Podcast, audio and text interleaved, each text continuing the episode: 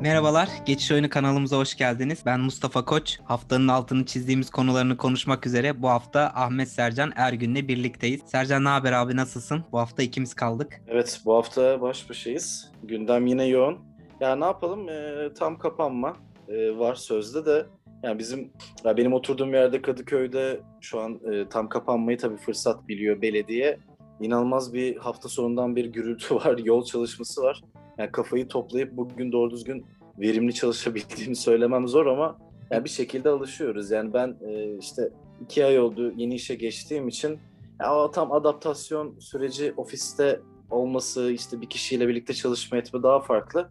Onun birazcık sancıları var ama onun dışında şükür yani sağlığımız, sevdiklerimiz iyi. Onun dışında da herhalde bu süreçte çok fazla bir şey istemiyoruz ya. Muhakkak ama çok zor ya senin için. Hiç tanımadığın insanlarla uzaktan çalışmaya çalışmak. Ya abi zor, herkes için zor. Ya herkes için zor tabii. Senin de işin başka yani. Sen öğretmensin, özel eğitim gerektiren çocuklarla çalışıyorsun. Yani her şeyi çok sekteye uğrattı. Ee, yani aşı mevzusu falan zaten can sıkıcı iyice e, bu olay. O yüzden e, yani biz kendi futbolun güzelliklerine bakalım. E, gündemi e, bir şekilde belirleyelim yine altını çizelim. Altını çizelim. Bu hafta ilk altını çizeceğimiz konu Mustafa Denizli'nin geri dönüşü. Mustafa Denizli büyük Mustafa olarak anıldığı Altay'a Altay'la birlikte oyuna tekrar geri döndü. İşte ayağının tozuyla da ilk Ümraniye Spor maçına çıktı. Altay'ın playoff için yarıştığı rakiplerden biriydi. 1-0 yendiler ve Ümraniye Spor'u bir şekilde bertaraf etmiş oldular tekrar geri döndü Büyük Mustafa. Her futbol severin bir şekilde iyi andığı insanlardan biri. Türk futbolunda çok azdır böyle karakter ama Mustafa Denizli onu başarabilmiş biri. Evet kesinlikle yani Galatasaray tarihi içinde, milli takım içinde, e, Fenerbahçe içinde, diğer büyük takımlar içinde yani özellikle Altay için çok önemli bir figür ve ne olursa olsun çok tecrübeli bir isim. Yani zaten Türk futbolunun son 20-30 senesine baktığında Türk teknik adam olarak e, birkaç isimden söz ederiz. Biri Şenol Güneş'tir, biri Fatih Terim, diğeri de Büyük Mustafa'dır. E, o da e, biliyorsun yani çok büyük bir altı efsanesi. Hatta ben işte bir tweet gördüm. Payşao'nun iki katı gol atmış. E, 6 ay tarihinde 146 golü var Büyük Mustafa'nın. E, çok da yani hala karizmatik e, bir teknik adam. İşte Paşa hafta sonu bir gol daha attı Mustafa Denizli döneminin ilk golü. İşte yeni bir Aykut Kocaman Alex olayım demiş Kutay Ersöz Twitter'da. Aynen aynen ben Gördüm. de o tweet'i görmüştüm. Ya, ya Kutay Ersöz ya, bu aralar müthiş işler yapıyor Twitter'da. Kutay zaten şey ya Türkiye Ligi ile alakalı gurme tweetler atan bir hesap bence. Yani bir tanışmışlığım da olmuştu benim hani bir aynen, kere aynı de. masada denk gelmiştiğim. Şahsi sen zaten top, top sen toprak sahadan zaten hani muhtemelen tanışmışsındır illaki. Evet, Sokrates ofisinde e, bayağı bir 5-6 defa muhabbet etmişliğimiz vardı. Ya sen ofislerde ofislerde takılıyormuşsun. Biz de burada diyoruz yok tanışıyoruz ediyoruz. Kusura bakma ya. sen de şeyde. ya yani senin Adaş'tan bahsediyorduk. Mustafa Denizli gerçekten çok büyük bir figür. Altay zaten playoff oynayacak. Çok para harcadılar bu sezon. Ee, yani ben onların lige gelmesini isterim. Lige renk katarlar. Karşıyaka'da toparladı 3. ligde. Şu an hakik bakmadım açıkçası son playoff'a kaldılar mı çıkmadılar galiba. Onlar da playoff oynayacaklardır.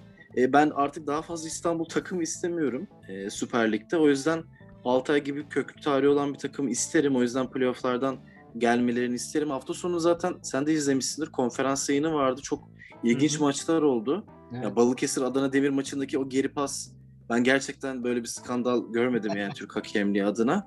Yani e, o kadar çok kanalın var. Konferans yayını yapıyorsun. Bütün takımlar oynuyor, yayabilirsin ama o da çok keyifli bir yayın oldu açıkçası. Ben de oturdum başından kalkamadım. O yüzden e, Mustafa Denizli'nin gelişi ya çok önemli bir figür. İkincilik için zaten birkaç gömlek büyük bir teknik adam. Hani artık kariyerinin teknik adamlık kariyerlerinin sonlarında iyice tecrübesiyle son bir kurşunu atıp Altay'ı üst lige taşımak isteyecektir. Yani önümüzdeki sezon başladığında da takımın başında olur. Umarım sağlık verir Allah hiçbir sıkıntı yaşamaz. Yani ben Altay'ın gelmesini isterim. O yüzden Mustafa Denizli'nin çok tecrübeli olduğunu ve playoff sürecinde de çok doğru bir tercih olduğunu düşünüyorum. Zaten son hafta maçı oynanacak. Altay playoff oynayacak. Bakalım orada da çok güçlü rakipleri olacak. Yani Samsun mu gelecek, Adana Demir mi, Giresun mu? Son hafta e, belli olacak orada da e, işler.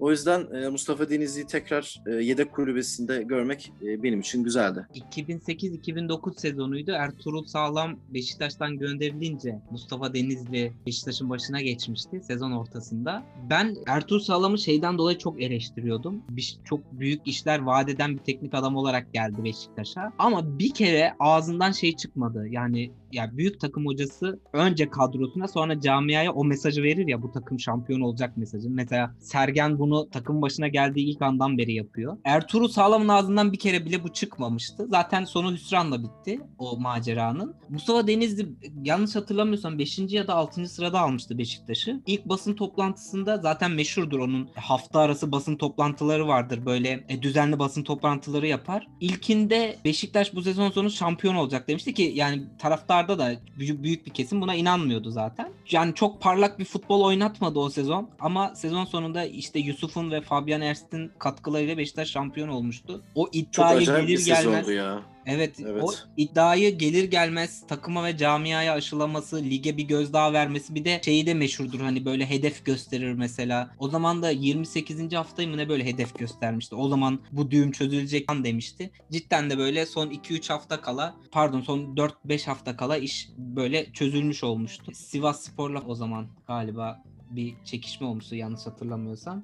O bende büyük bir etki bırakmıştı ya Mustafa. Ya dediğim gibi çok parlak bir futbol oynadı. Zaten ertesi sezon daha da kötü bir futbol oynatmıştı. Çok defansif bir takım. Muhtemelen Şampiyonlar Ligi'ne yönelik bir hazırlık yapmıştı takıma. İşte Ernst'in yanına Fink gelmişti. E, defansif bir oyun vardı sahada ama yine de o gelir gelmez takıma o etki yapması falan beni çok etkilemişti. Ya Fink de şeyi hatırlıyor musun? Bu yani Fink geldikten sonra mı önce mi çekmişti? Dikkat Şahan çıkabilir skecinde. E, Fink'ten bahsediyordu. Çok Şahan. önceydi hem de. Değil mi? Önceydi değil mi? Tabii, ben tabii, doğru önceydi. hatırlıyorum. At şey böyle Fink'e. at Fink'e bizim takım için e, futbol iki ihtimalle beraberlik veya mağlubiyet diye. Sonra Fink falan geldi. Ya o da iyi bir oyuncuydu. Siz Alman oyunculardan Münch'tür, işte Ernst'tir ya da böyle baba adamlardı işte Zago'dur, Ronaldo'dur o tarz oyunculardan çok katkı alıyordunuz. Bu sene mesela o tarz bir sizin tecrübeli yabancınız hani Atiba'yı artık yabancı saymadığım için tam anlamıyla aslında yoktu. O yüzden bu sene yerlilerden, genç oyunculardan da katkı alıp şampiyonluğa e, gidiyorsunuz. O yüzden ilginç bir sezon oldu. Ya ben Mustafa Denizli'yi kendi adıma e, son olarak çok iyi hatırlamıyorum. Çünkü Şampiyonlar Ligi'nde yanlış bir tercihti gelmesi. Kadro da kötüydü. Ama dörder dörder yani tokat tokatlanıp evimize dönmüştük. Yani o günden beri Avrupa'da zaten belimiz doğrulmadı. O yüzden benim kendi adıma Galatasaray'da tabii son dönemleri çok iyi olmasa da e, çok önemli bir figür futbol adına. O yüzden onu görmek çok güzel. Seneye de gelip hani yarışmacı bir Altay ligi çıkarır da yaratırsa e, futbolun yine ilginç hikayelerinden birini yazmış Tabii tabii müthiş ya. Seneye Süper Lig'de kulübede dediğin gibi Mustafa Denizli'yi görüyor olmak tekrar. Şey de olsa çok güzel olurdu. İşte Mustafa Denizli bir takım başında ya Trabzon'un mesela Şenol Güneş. Fatih Terim zaten Galatasaray'ın başında falan. Acayip bir şey olur. Titanların Titanların çarpışması diyorsun sen ya. Ama Aynen. yani her hafta artık felsefeler yok. Yağmur oldu, sel oldu, o açtı, bu açtı. Herkes felsefe parçalarda artık. Abi bizim kafalar kazan olurdu ya şeyde. Ama Fenerbahçe'ye de şimdi o tarz bir hoca lazım. Şimdi Emre Belezoğlu onlara toy kalırdı. Orada da belki ne bileyim e, açıklamalarıyla olmasa da şeyiyle Daum gibi bir figür getireceksin. Al sana mis gibi retro ile. Retro Süper Lig abi. Retro Tertemiz. Süper Lig. retro Süper Lig takılırdık aynen. Mustafa Denizli'den başka bir teknik direktöre Julian Nagelsmann'a geçelim. Son dönemde adından çok fazla söz ettiren Nagelsmann sezon sonundan itibaren Bayern Münih'in teknik direktörü olacak. Daha herhangi bir kupa başarısı yok.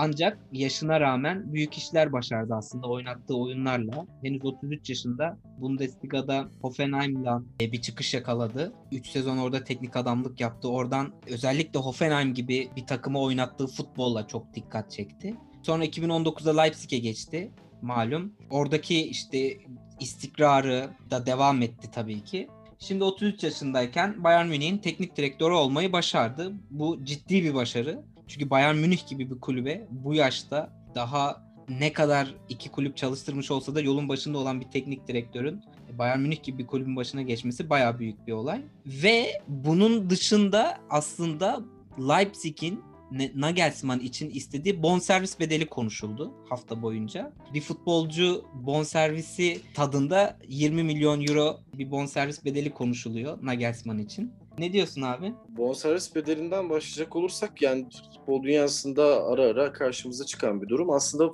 para konuşulduğunda teknik adamlarda ya yıllık ücretleri ya da biliyorsun tazminatları konuşulur. En son Mourinho Tottenham'dan e, kovuldu. 40 milyon euro gibi tazminat yükünün altına girdi Tottenham. E, Bayern Münih dünyanın en iyi yönetilen e, birkaç kulübünden biri belki de en iyisi. Onlar e, gözü kapalı güveniyorsa zaten hani bir bildikleri vardır demek lazım. Zaten çok genç yaşta teknik direktör olup kendini teknik taktik anlamında her ne kadar kupa kazanaması da kanıtlamış bir isim Nagelsmann. Şu anda e, sahip olduklarıyla değil vaat ettikleriyle Bayern Münih'in başına geçiyor. Yani Aynen nasıl öyle. sen bir for ya sen nasıl bir forvete işte seni şampiyon yapsın, e, seni Avrupa Kupası'na götürsün diye yüklü bir bonservis ödüyorsan bir teknik adama da ödeyebilirsin. Ki Bayern Münih'in kadrosu da bir kabuk değiştiriyor. Şu an Alaba ayrılıyor biliyorsun. İşte Boateng gidiyor. E, Neuer yavaş yavaş yaşlanıyor. Kaleci için hala genç yaşlarda olsa da onlarda da bir kabuk değişikliği var. Lewandowski'nin Premier Lig'e gideceği falan konuşuluyor. Ben çok e, ihtimal vermesem de hani e, onlarda da bir değişiklik varken teknik adam değişikliği işte Flick Alman milli takımının başına geçiyor. Leipzig Nagelsmann'ı gönderip diğer Leipzig yani diğer Red Bull takımından hocasını getiriyor. Orada bir döngü var. Onunla ilgili de ilginç bir şey vardı. Hani e, böyle tetikliyor yani Nagelsmann'ın ayrılması orada Red Bull tarafını tetiklemiş. O zaten hani ayrı bir aslında e, altı çizilinin konusu biliyorsun yani Red Bull'un bu yapılanması bu, bu- işte e, birden fazla kulübe sahip olan e, platformlar bu konsorsiyumlar ki bugün onunla ilgili elime bir şey geçmişti. Yani dünyanın dört bir tarafında Red Bull'un takımları var.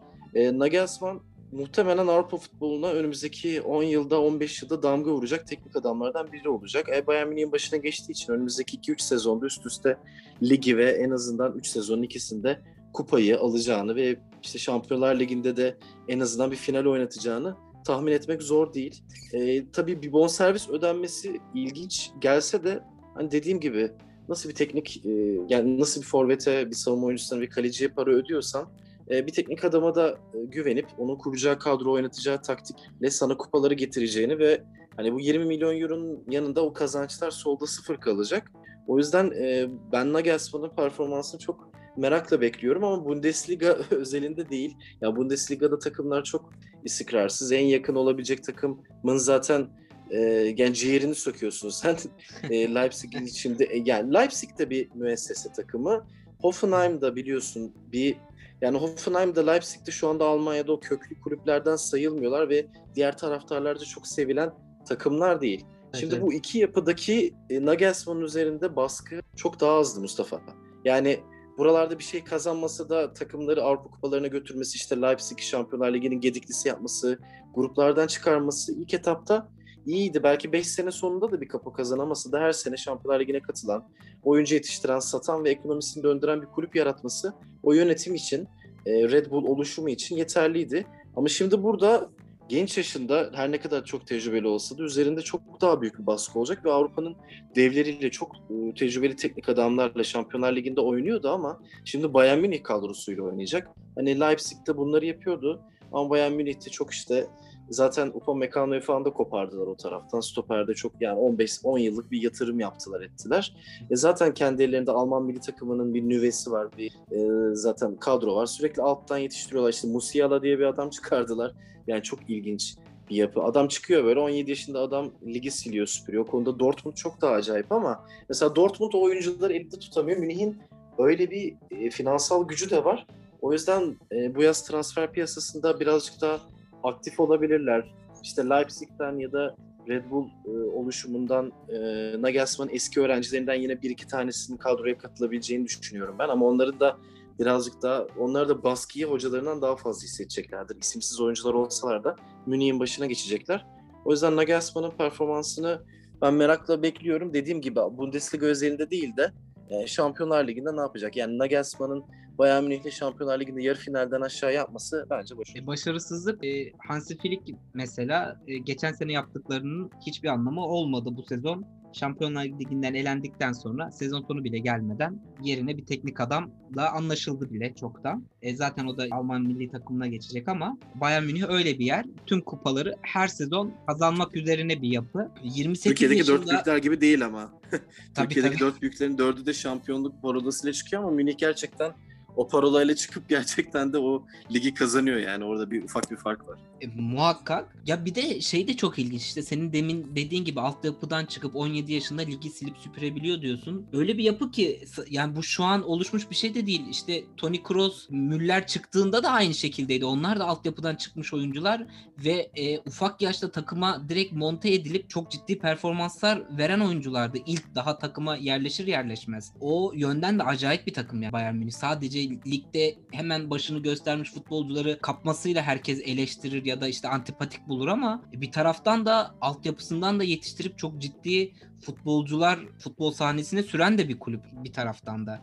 Diğer yandan da işte dediğin gibi Nagelsmann için çok ciddi bir challenge olacak. Yani 28 yaşında Bundesliga'nın en genç teknik adamı olarak işe başlamıştı. Daha 33 yaşında tüm bunlara göğüs gererek dediğin gibi işte o şampiyonluk parası, parolasıyla başlayıp aslında sezon sonunda o kupaları kaldıran bir takım Bayern Münih. Bunların mücadelesini verecek. Vaat ettiği şey çok büyük. Yine dediğin gibi e, Nagelsmann'ın ama bakalım sezon bittiğinde bunların ne kadarını elde etmiş olacak önümüzdeki sezon. Merakla bekliyor olacağız. Ki merakla bekleyenlerden bir tanesi de Lewandowski aslında. Sen Premier Lig'e gitme ihtimalinden bahsettin ama bir açıklama yaptı Nagelsmann'ın açıklanmasından sonra. Çok heyecanlı olduğunu, onun çalıştırdığı takımları hiç hayal edilemeyen seviyelere götürdüğünü falan e, söylemiş. Yani Bayern'de de bu yönde bir beklenti var anladığım kadarıyla da daha nasıl bir seviyeye çıkacaklar o da ayrı bir mevzu. Yani galaktik kupa falan kazanmak istiyorlar herhalde. Yani kıtalar arası falan bir şey kesmiyor. Artık ıı, Mars'ın ayın temsilcileriyle falan oynamak istiyorlar herhalde. Ya bu sene de oyunları tabii Lewandowski'nin olmaması onları e, elenmesine sebep oldu. Bence zaten takım tıkır tıkır işliyordu. Yani Choupo-Moting yani al, elendiğimizde oyunla ilgili bir sıkıntı yok. şansı versin. Aynen. Allah insana Choupo-Moting şansı versin Mustafa yani böyle bir adam öyle bir yapının içindeki şey gibi. Hani böyle filmler var ya şey Bor Borat'ın falan filmleri vardı ya şeyleri. E, bu işte diktatör filminde adam koşuya koşuya başlıyor arkasındakileri tabancayla falan vuruyor. O da yani şeyde e, kalenin ağzında duruyordu. Gelen topu atıyordu yani. Öyle bir Lewandowski'nin yokluğunda ona rağmen neredeyse Paris Saint Germain'in Navas'ın acayip bir performansıyla orada e, elendiler. O yüzden hani bu senede bir yani tam anlamıyla başarısızlık demek. Yani Paris Saint Germain'e elenmek de başarısızlık değil aslında bir açıdan. Ama dediğin gibi yani o Bayern Münih sen e, hedefleri hep yüksek koyuyorsun ve %90'da ulaşıyorsun ona. Alman olmak bunu gerektiriyor galiba. Evet abi. Bütün dünya Alman'ın Almanların şeyini gücüne inansın biliyorsun Umut Sarıkaya'nın bir karikatürü vardı. Almanlıktan aldığım keyfi hiçbir şeyden almadım. Hiçbir şeyden alamadım evet abi kesinlikle. Oradan İngiltere'ye geçelim abi Almanya'dan. Bu hafta sonu sosyal medya boykotu vardı. İngiliz futbolu bir boykot kararı aldı ve hafta sonu uyguladılar. Premier Lig, Championship, Kadınlar Süper Ligi, işte Futbol Birliği tüm bunlar tüm sosyal medya hesaplarını hafta sonu hiçbir şekilde kullanmadılar. Kapattılar daha doğrusu. Buradaki amaç da çevrim içi ırkçılık ve tacize karşı bir farkındalık oluşturmaktı. Hatta sonrasında UEFA da buna katkı vermek amacıyla 4 gün boyunca tüm sosyal medya hesaplarını kapattı. Bu ciddi bir sorun. Yani UEFA'nın ya da İngiliz futbolunun buna dikkat çekmeye çalışması özellikle sosyal medya görünürlüğü bakımından en yüksek seviyede olan tabii ki burada futbolu baz aldığımızda yüksek görünürlüğü olan mecraların bunu yapıyor olması ya da buna dikkat çekmeye çalışıyor olması çok önemli. Çünkü işin ırkçılık boyutu, taciz boyutunun dışında farklı boyutları da var. Özellikle genç nesil üzerinde ciddi sorunlara yol açtığı da görülüyor. Bu önemli bir adım. Nereye kadar gidecek ya da herhangi bir etkisi olacak mı şimdilik bilemiyoruz tabii ama önemli bir adım atıldı gibi görünüyor. Siber zorbalık yani şu an dünyanın sosyal medyada en çok yaşadığı sıkıntılardan biri. Ee, ya sen zaten yani çocuklarla çalışıyorsun. Biz ya bizim çocukluğumuzda zorbalık kelimesi yoktu ama işte daha böyle e, sert çocukların diyeyim ya da böyle Amerikan kolej filmlerinde sınıfın akıllı çocukları da daha zayıf çocuklarına uygulanan fiziksel ya da psikolojik bir e, şiddet vardı. Artık bunun yansıması sosyal medyada oturduğumuz yerden herkese sallayabiliyoruz. E, gün geliyor bazen e, olur olmadık yerde linç kültürünün parçası oluyoruz biz de. Ama hani e, bu çağın ne yazık ki sıkıntılarından biri. Yani Premier Lig'de bunu çok fazla yaşayan biri, e, bir mecra. Ya Premier Lig bununla alakalı daha e, biliyorsun hani daha aktivist bir karaktere sahip ve pandemiden beri işte ırkçılar karşı maçlarda önce diz çökülmesi etmesi ki diğer liglerde İtalya'da İspanya'da daha çok yakın ya yani UEFA Avrupa Ligi'nde e, Çek takımının maçını Villarreal maçı mıydı bir oyuncunun suçlanma durumu vardı. e, hala ırkçılık da çok yüksek. Bu zaten sosyal medyada devam ediyor. İnsanlar evlerine tıkıldığı için daha fazla sosyal medyaya dört elle sarıldı. Bu oradan e, devam ediyorlar tacizlerine. E, bu yüzden bu duruş e, Premier Lig için çok çok önemli. Diğer liglere de hani örnek olması değil. Hani biz kendi ligimizde bizde biliyorsun ırkçılık diye bir şey yok. Hani siyahi oyunculara değişik isimler konuyor. Adam e, zamanında Trabzonspor Başkanı Mehmet Ali Yılmaz Campbell transfer edilince işte gol makinesi aldık çamaşır makinesi çıktı demişti. Yani siyahi bir oyuncu yok, olduğunda... kötü espri var abi maalesef. Tabii ya ırkçılık yok. O siyahi oyuncu beyaz eşyaya benzetme var abi. Hani bu hangisi daha kötü? Aslında burada dinleyenlerin takdirine bırakmak lazım. Ya bununla ilgili de aslında e, ilginç denk gelen bir durum var. E, Ali Murat Hamarat bahsetti birkaç gün önce ki yani tarih konusunda, futbol tarihi konusunda benim çok sevdiğim, senin de eminim çok sevdiğin hesaplardan biridir. E, futbol Premier Lig tarihinde ve belki de kıta Avrupa'sında e, gay olduğunu açıklayan ilk futbolculardan biriydi Jason Fashanu. Ve 37 yaşında intihar ediyor. E, Amerika'ya futbol oynamaya gittiğinde bir tecavüzle alakalı suçlanıyor. Tecavüzün aslında gerçekleşmediği ortaya çıkıyor. O da e, cinsel kimliği nedeniyle bir zorbalığa uğrayıp e, aramızdan ayrılıyor çok genç yaşında. Yani bir kendisine bir milyon sterlin e, para ödenmiş bir forvet hayatını belki çok daha rahat bir şekilde sürdürebilecekken şu an çünkü biliyorsun cinsel kimlikleri çok daha rahat oyuncular sergiliyorlar. E, yani bu özellikle Amerika'da işte NBA'de, Women NBA'de çok fazla var bu. Yani Women NBA'de oyuncuların üçte birinin e, lezbiyen olduğuyla alakalı ben en son bir şey okumuştum ki bu o konuda da hani e, daha rahat davranıyorlar. Burada tabii ki hala o oyuncular e, ya da o takımlar e, siber zorbalıkla uğraşıyorlar ya da ırkçılıkla ya da diğer farklı şeyler nefret suçlarıyla. Ama bunlarla daha farklı şekilde baş etmeye çalışıyorlar. Amerika'da insanlar biliyorsun e, Floyd'un ölümünden sonra e, sokaklara çıktılar. Nefes alamıyorum eylemleri yaptılar. Hani İngiltere'de de ırkçılık e, bu boyuta ulaşmışken bir de biliyorsun yani neonazi kafasında çok tribünler var. Hani burada e, Green Street Hooligans'ı izleyen varsa hatırlıyordur yani Millwall taraftarını, onların profilini. Hani ülkeye gelen bütün göçmenler bizim bir şeyimizi elimizden alıyorlar. Onların çocukları futbolcu oluyor. Bizim çocuklarımızın e, o takımlardaki yerlerini alıyorlar. E, böyle ne oluyor? İşte bu adamlar geliyor İngiltere milli takımında oynuyor ama aslında bu adam Nijeryalı, Ganalı bizim kanımızı taşımıyor. İngiliz değil. Hani bunun yansıması bir şekilde ırk bağlamında, cins, cinsel yönelim bağlamında bir nefrete dönüşüyor. O yüzden hani bu zorbalıkla mücadelede alınan e, bu karar ve e, aktiv, aktivist hareket e, gerçekten çok güzel. Diğer liglere ve bizim kendi takımlarımızı da e, örnek olması dileğiyle diyorum ben. İşin çok farklı boyutları da var. Siber zorbalığın farklı boyutları da var. Özellikle genç yaş grubunda. Yani ben bizzat bir iki öğrencimde yaşadığım çok ciddi sorunlar oldu. Bunun psikolojik olarak akran zorbalığı boyutu bambaşka bir durum. Bir taraftan da siber zorbalığın gençlerin üzerinde farklı yaşattığı sorunlar var. Çok tabii ki burada onun derinlemesine inmeyeceğim ama karşılaştığım, bizzat yaşadığım kendi öğrencilerimden ve ailelerimden üzerinden bildiğim durumlar var. Umarım bu farkındalık sadece buralarda kalmaz. Daha önemli ve adım atılacak yerlere gelebilir insanlar boyutunda.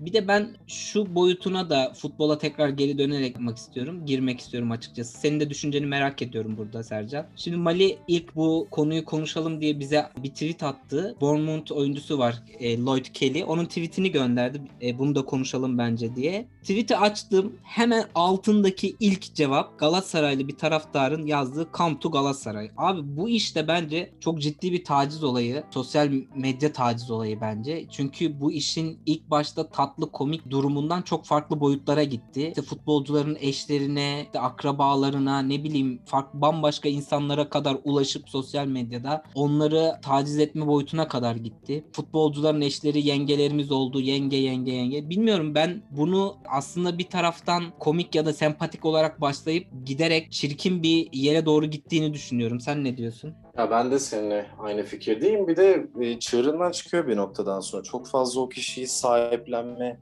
onunla alakalı işte rakibin rakibin oyuncusuysa saçma sapan bir tweet atıyorsa bir de gerçekten dediğim gibi hani ırkçılık boyutuna şöyle varabilir. Siyahi bir oyuncuysa farklı hareketlerde bulunup saçını değiştiriyorsa ya da bir e, Güney Amerikalı oyuncu bir dövme yaptırıyor diyor. Bu rakip takımda nefrete e, onu tutan takımın, onun takımının e, taraftarında ise ona karşı daha bir sahiplenme ve rakibe küfretmeye o noktalara gidiyor. İşte o yenge dediğin e, bir futbolcunun eşi, o futbolcu e, bir İstanbul takımından bir büyükten diğerine gittiğinde nefret objesi haline geliyor. Yani bir hafta önce işte takip sen takiptesin onu seviyorsun. Çünkü senin takımının oyuncusunun eşi, çocukları da tatlı geliyor. Ondan sonra takım değiştirdiğinde başka bir takıma gittiğinde sen ihanete uğramış hissediyorsun. Ona çocuklarına, akrabalarına her şeyine küfretmeye başlıyorsun ve bambaşka bir noktaya getiriyorsun. Onlar dayanamıyor bazen belki cevap veriyor. O daha büyük oluyor oluyor. Yani insanlara e, tacizi yaptıktan sonra bu sosyal medya ya da fiziksel yakınlık olarak aynı düzlemde gördüğün zamanlarda böyle bir şey yaptığında bir tepki görmen kadar doğal bir şey. Bir de bahsettiğin olay yani işte Come to Galatasaray, Come to Beşiktaş, Come to Fener olayı bir oyuncunun sosyal medya hesabını işgal etme bir noktadan sonra bence de çok sempatikliğini kaybediyor. Yani çünkü bu e, oyuncuyla alakalı bir kişinin yani bir deli bir kuyuya taş atıyor, diğerleri de peşinden gidiyor gibi oluyor. Oyuncunun takımına katkı verip vermemesinden ziyade sen onu neden takımında istiyorsun? Çünkü rakip takım da istiyor. Ben alırsam bu böyle bir mezat gibi sanki o oyuncunun işte iki tarafında daha çok istediği, daha çok para verenin aldığı bir yarışa dönüyor.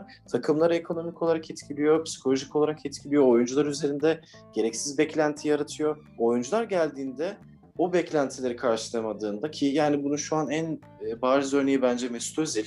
Yani Mesut'un Arsenal'de yaşadığı düşüşten sonra Türkiye'ye gelip direkt olarak ligi sallayacağını düşünüyorlardı ama burası da fiziksel birlik biliyorsun Mustafa yani konuştuk. Burada e, sonuçta Mesut sihirli ayak değil, futbol 20 e, sene öncenin futbolu değil. Daha farklı bir oyun oynanıyor. Zeminler farklı, oyunlar farklı yapamıyorsun ve şu an muhtemelen Fenerbahçe taraftarının arasında yarısından fazlası Mesut'un geldiğine belki pişman. Bir süre sonra Mesut kötü performans vermeye, sakatlanmaya devam ettikçe Mesut sosyal medyadan taciz edilmeye, işte bir e, laik kesim taraftardan İslami yönü daha yoğun olduğu için o tarafa doğru bir nefret belki beslemiyor. O tarafta olanların e, o konuyla ilgili daha fazla e, Mesut'u sahiplenip Mesut'u sportif e, bir kimliğinden çıkarıp Mesut'u sanki bir dini figürmüş, Mesut'u sanki bir e, dinin e, temsilcisi, bir futbol takımı ve dinin temsilcisi böyle bir saçma sapan bir kombonun temsilcisi olarak görüp daha da fazla savunma noktasına geliyor. O yüzden hani bu konu dediğin gibi çok çetrefilli, çok iç içe geçiyor. Yani aşk nefrete neye kızsın gibi oluyor. Yani sevgi mi duyuyorsun oyuncuya, nefret mi ediyorsun? Ondan beklentin ne yani? Sahaya çıkıp 90 dakika performans verecek bir adam sonuçta. Seni eğlendirmesini de istiyor olabilir. Onun karşılığında bir para da alıyor olabilir. Bir süre sonra biliyorsun kazandığı para gözüne batıyor taraftarın. Onu transfer eden adamdan getiren uçağın pilotuna kadar neredeyse nefret e, söylemleri oluyor. Hani bu o yüzden sonra da bir kısır döngü haline geliyor. Abi bunun hiç yani bunun şeyi yok, hiçbir rengi yok biliyorsun. O yüzden ben e, seninle aynı fikirdeyim ya. Şöyle bir şey var. Şey gibi oldu hani bir gecede cahil kaldık gibi insanlar bir gecede e, evet herkese ya. ulaşabilir oldu. Bu ulaşabilirlik de öyle bir hat veriyor ki insanlar. Yani nereden buluyorsun bu haddi? Şimdi Adem Büyük Beşiktaş altyapısından yetişmiş bir futbolcu. Beşiktaş'la Malatya Spor'un oynadığı bir maçtan sonra insanlar o kadar hızını alamamış ki Adem Büyük'e. Eşini sosyal medyadan bulup ona hakaret eder boyuta kadar gidiyorlar. Yani bu olma olmamalı ya. Bir insan bu kadar sosyal medyada ulaşabilir oluyor diye sen hakaret edemezsin yani. Profesyonel bir futbolcu para kazandığı bir yer var ve oradan yani ne bekliyorsun ki? Ne olabilir yani? Tabii ki sana karşı ya. mücadele edecek, oynayacak. Belki de sana çok antipatik gelebilecek bir harekette de bulunabilecek. Çünkü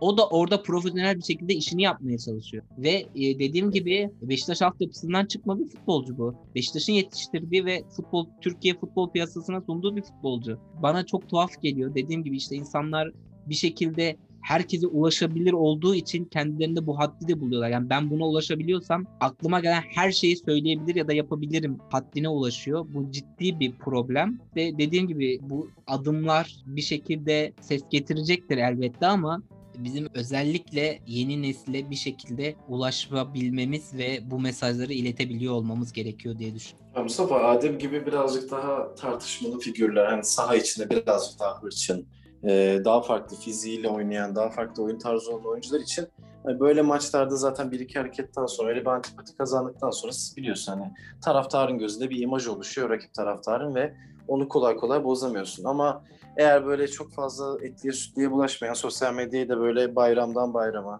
işte milli bayramları, dini bayramlar dışında, kandiller dışında kullanmayan sporcu olunca temiz oluyorsun. Ama belki o adam da bu toksik ortamı gördüğü için kullanmıyor. Aslında sosyal medyayı belki kullanmayı seviyor ya da kapalı kapılar ardında kullanamaz çünkü çok fazla insanı takip edip bir kullanıcı ismi alsa 20 bin kişi birden ekleyecek kapalı bir hesap da kullanma gibi bir şansı yok. Bir tane story atsa 50 tane cevap gelecek işte kendisine maddi yardım isteyenden çocuğuna, akrabasına, forma isteyene, iş isteyene kadar. Çünkü ekonomik durumun da çok fazla etkilediği bir yer var. O erişilebilirlik e, hiç iyi bir şey değil. O yüzden de yani dediğin gibi çocuklarımıza internet okur yazarlı ve bu siber zorbalıkla alakalı böyle bir eğitim verip kendi neslimizi yani bizim sonradan gelecek nesilleri eğitmemiz gerekiyor. E biliyorsun pandemide eğitimle alakalı bu konulara çok daha fazla sekte vurdu. En iyi sen biliyorsun bu konuyu.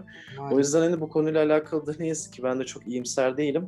Ee, yani ama bunun e, zaman için, yani bunun Türkiye özelinde düzelmesi için çok uzun vakte ihtiyaç var. Muhakkak işte her zaman diyoruz ki herkesi sevmek zorunda değiliz ama saygı duymamız gerekiyor. Bunun mecrası neresi olursa olsun hiç fark etmez. Ve ee, sınırlarımızı bilmemiz gerekiyor. Sınırları bilmemiz gibi. gerekiyor aynen öyle. Bunları benim anlatmaya çalıştığım sadece bir şekilde farkındalık yaratmak. Yani biz burada çok şey konuşuyoruz. Süper Lig üzerine de çok fazla konuşuyoruz. İşte Süper Lig'i mi kurtaracağız? Yok kurtarmayacağız. 5 e, kişi ya da 10 kişi dinliyorsa bir şekilde farkındalık yaratmaya çalışıyoruz. Burada Premier Lig'in öncülük ettiği bir boykot var. O farkındalığı biz de sadece iletmeye çalıştık. Umarım iki kişiye de olsa bir etkimiz olursa ben sevinirim açık. Ya ben e, yavaş yavaş kapamadan aslında şeye de yani hem seni Hatay galibiyetinden dolayı Beşiktaşlı olarak kutlayayım hem de bence Türk futbol tarihinde önemli e, maçlardan biriydi yani şu açıdan. E, maçtan önce biliyorsun bir atışma durumu oldu.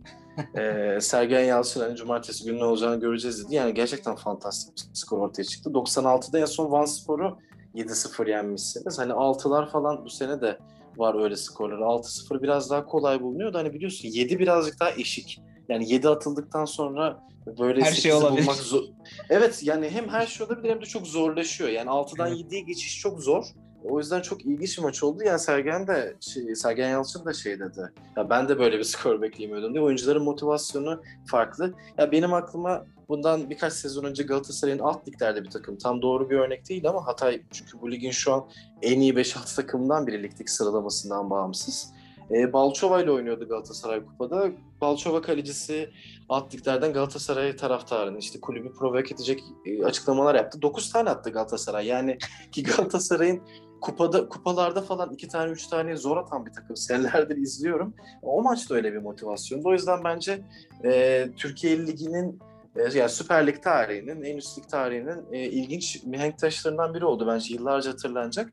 Ve aslında da çok sıkıntılı bir durum olmadı. Hani Sergen bir meydan okudu kendi e, meşrebince. O meydan okumanın da gerçekten yerine getirdi. Yani bundan sonra ben Sergen bir rakip teknik adama ya da kulübe e, valla e, meydan okursa 5'ten aşağı atarsa e, kesinlikle performansını beğenmem Mustafa. yani çok cüretkar bir işti aslında. Ben şöyle e, tahmin ediyorum. Rize maçının sonları çok sıkıntılı geçti. E, 3-0'dan 3-2'ye geldi maç. O adrenalinle muhtemelen maç sonu bir şekilde Ömer Erdoğan'ın açıklamaları iletiliyor Sergen'e ki bence çok yanlış iş. Bence Sergen ve ekibinin başardığı bunca işin yanında yanlış yaptıkları bir başka iş de maç sırasında ellerinde tabletle sürekli pozisyon kovalamaları. Bu da yanlış bir iş. O adrenalin adrenalinle hemen çıkıp e, bir de maç sonu açıklaması yaparken bunu söylüyor Sergen. Cidden cüretkar bir iş. E, üstüne düşünülmemiş bir iş bence. E, ki Sergen üstüne düşseydi böyle bir şey yapmazdı da diye de tahmin ediyorum. Akıllı bir adam çünkü öyle. Ya çünkü maçtan sonra hani ben böyle bir sonuç beklemiyordum dedi. O bana Tabii, çok geldi. Zaten e, maç sonu yaptığı o sakin daha temkinli açıklamalar da aslında ortamın yumuşak bir şekilde bu işin bitmesine neden oldu. E, bekleyemezsin tabii abi. Yolculuğu falan çıkar. iki günün falan anca var maça.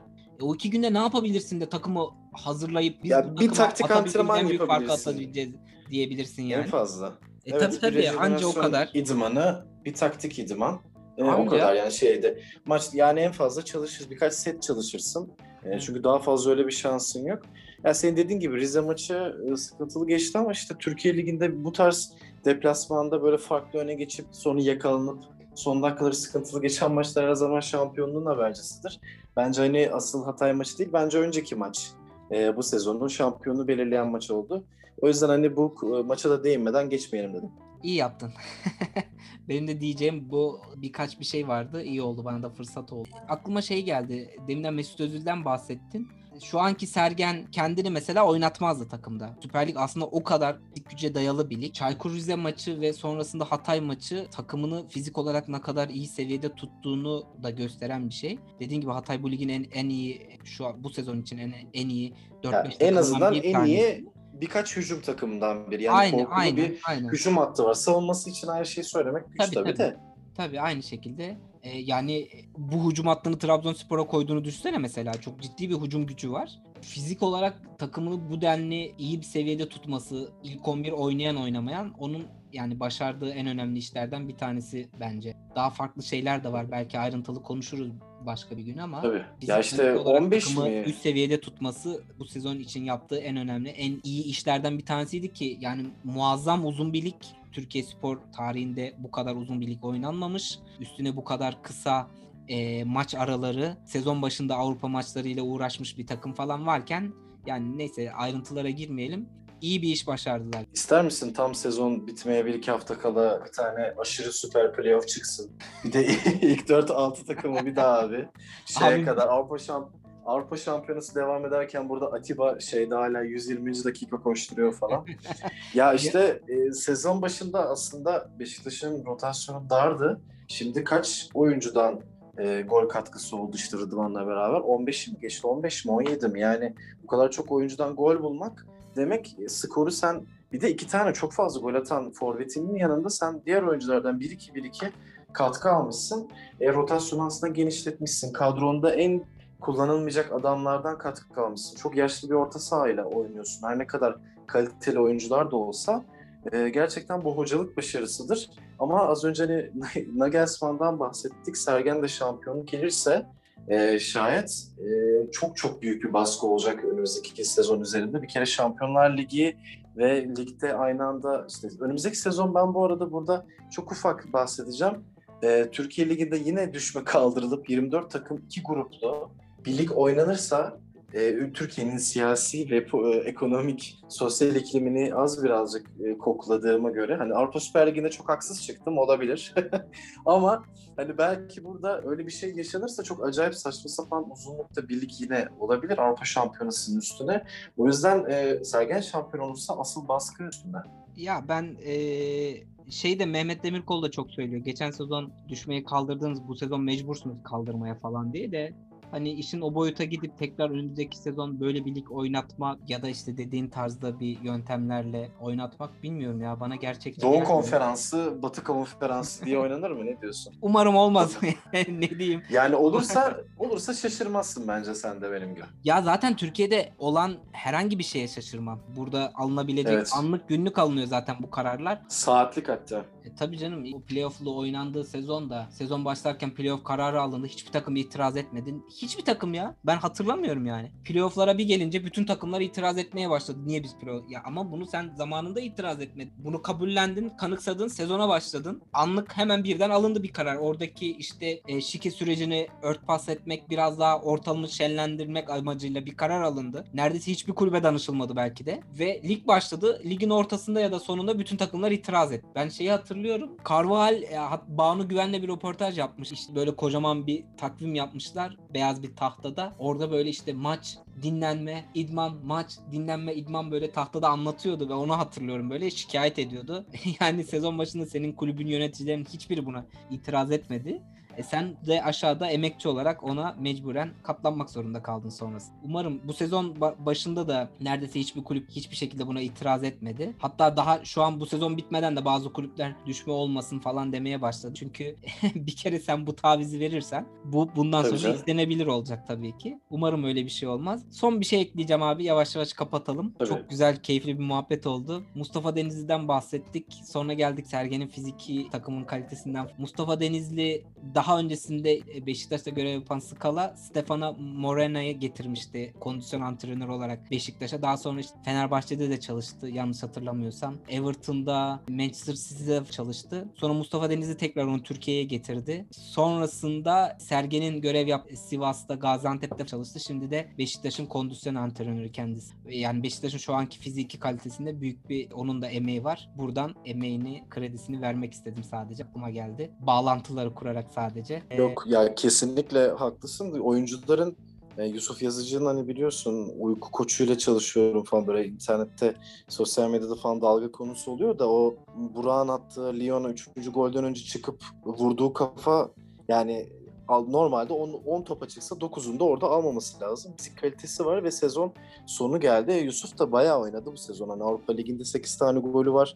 Ya, ligde çok istikrarlı olmasa da e, fiziki olarak çok büyük aşama kaydetti. Bu bir oyuncudan bahsediyoruz. Senin dediğin gibi ya işte Scott Pirin'in Galatasaray'da yarattığı etki. Yani Türkiye'de aslında e, oyun fizikle oynanıyor ama eğer kafanda da bir oyun varsa onu oynayabilecek bir e, kadron da varsa elinde fizik kaliteyi koyduğunda böyle aslında güzel futbol oynayarak e, gayet rakiplerini domine ederek sansasyonel skorlar alarak ligde e, oynayabiliyorsun. Tabii e, bunu önümüzdeki sezon bir yaş daha alan orta sahayla Şampiyonlar Ligi'nde ve ligde uzun maratonda tekrar test etmek lazım ama bunun gibi futbol emekçilerinin hakkı her zaman verilmiyor. Bence burada onun hakkını teslim ederek iyi bir iş yapıyoruz.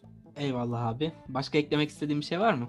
Vallahi çok keyifli bir sohbet oldu Mustafa. Daha da fazla bence bir şey demeye gerek yok. Eyvallah. Ee, bu hafta altı çizilide Ahmet Sercan Ergün'le beraberdik. Bunun altını çizdiğimiz konularını konuştuk. Bu dakikaya kadar bizi dinleyen herkese teşekkürlerimizi sunarak e, beğenileri e, yorumları ve bizi yakınlarına tavsiye etmelerini de istiyoruz. Önümüzdeki hafta görüşmek üzere. Bay bay. Hoşçakalın.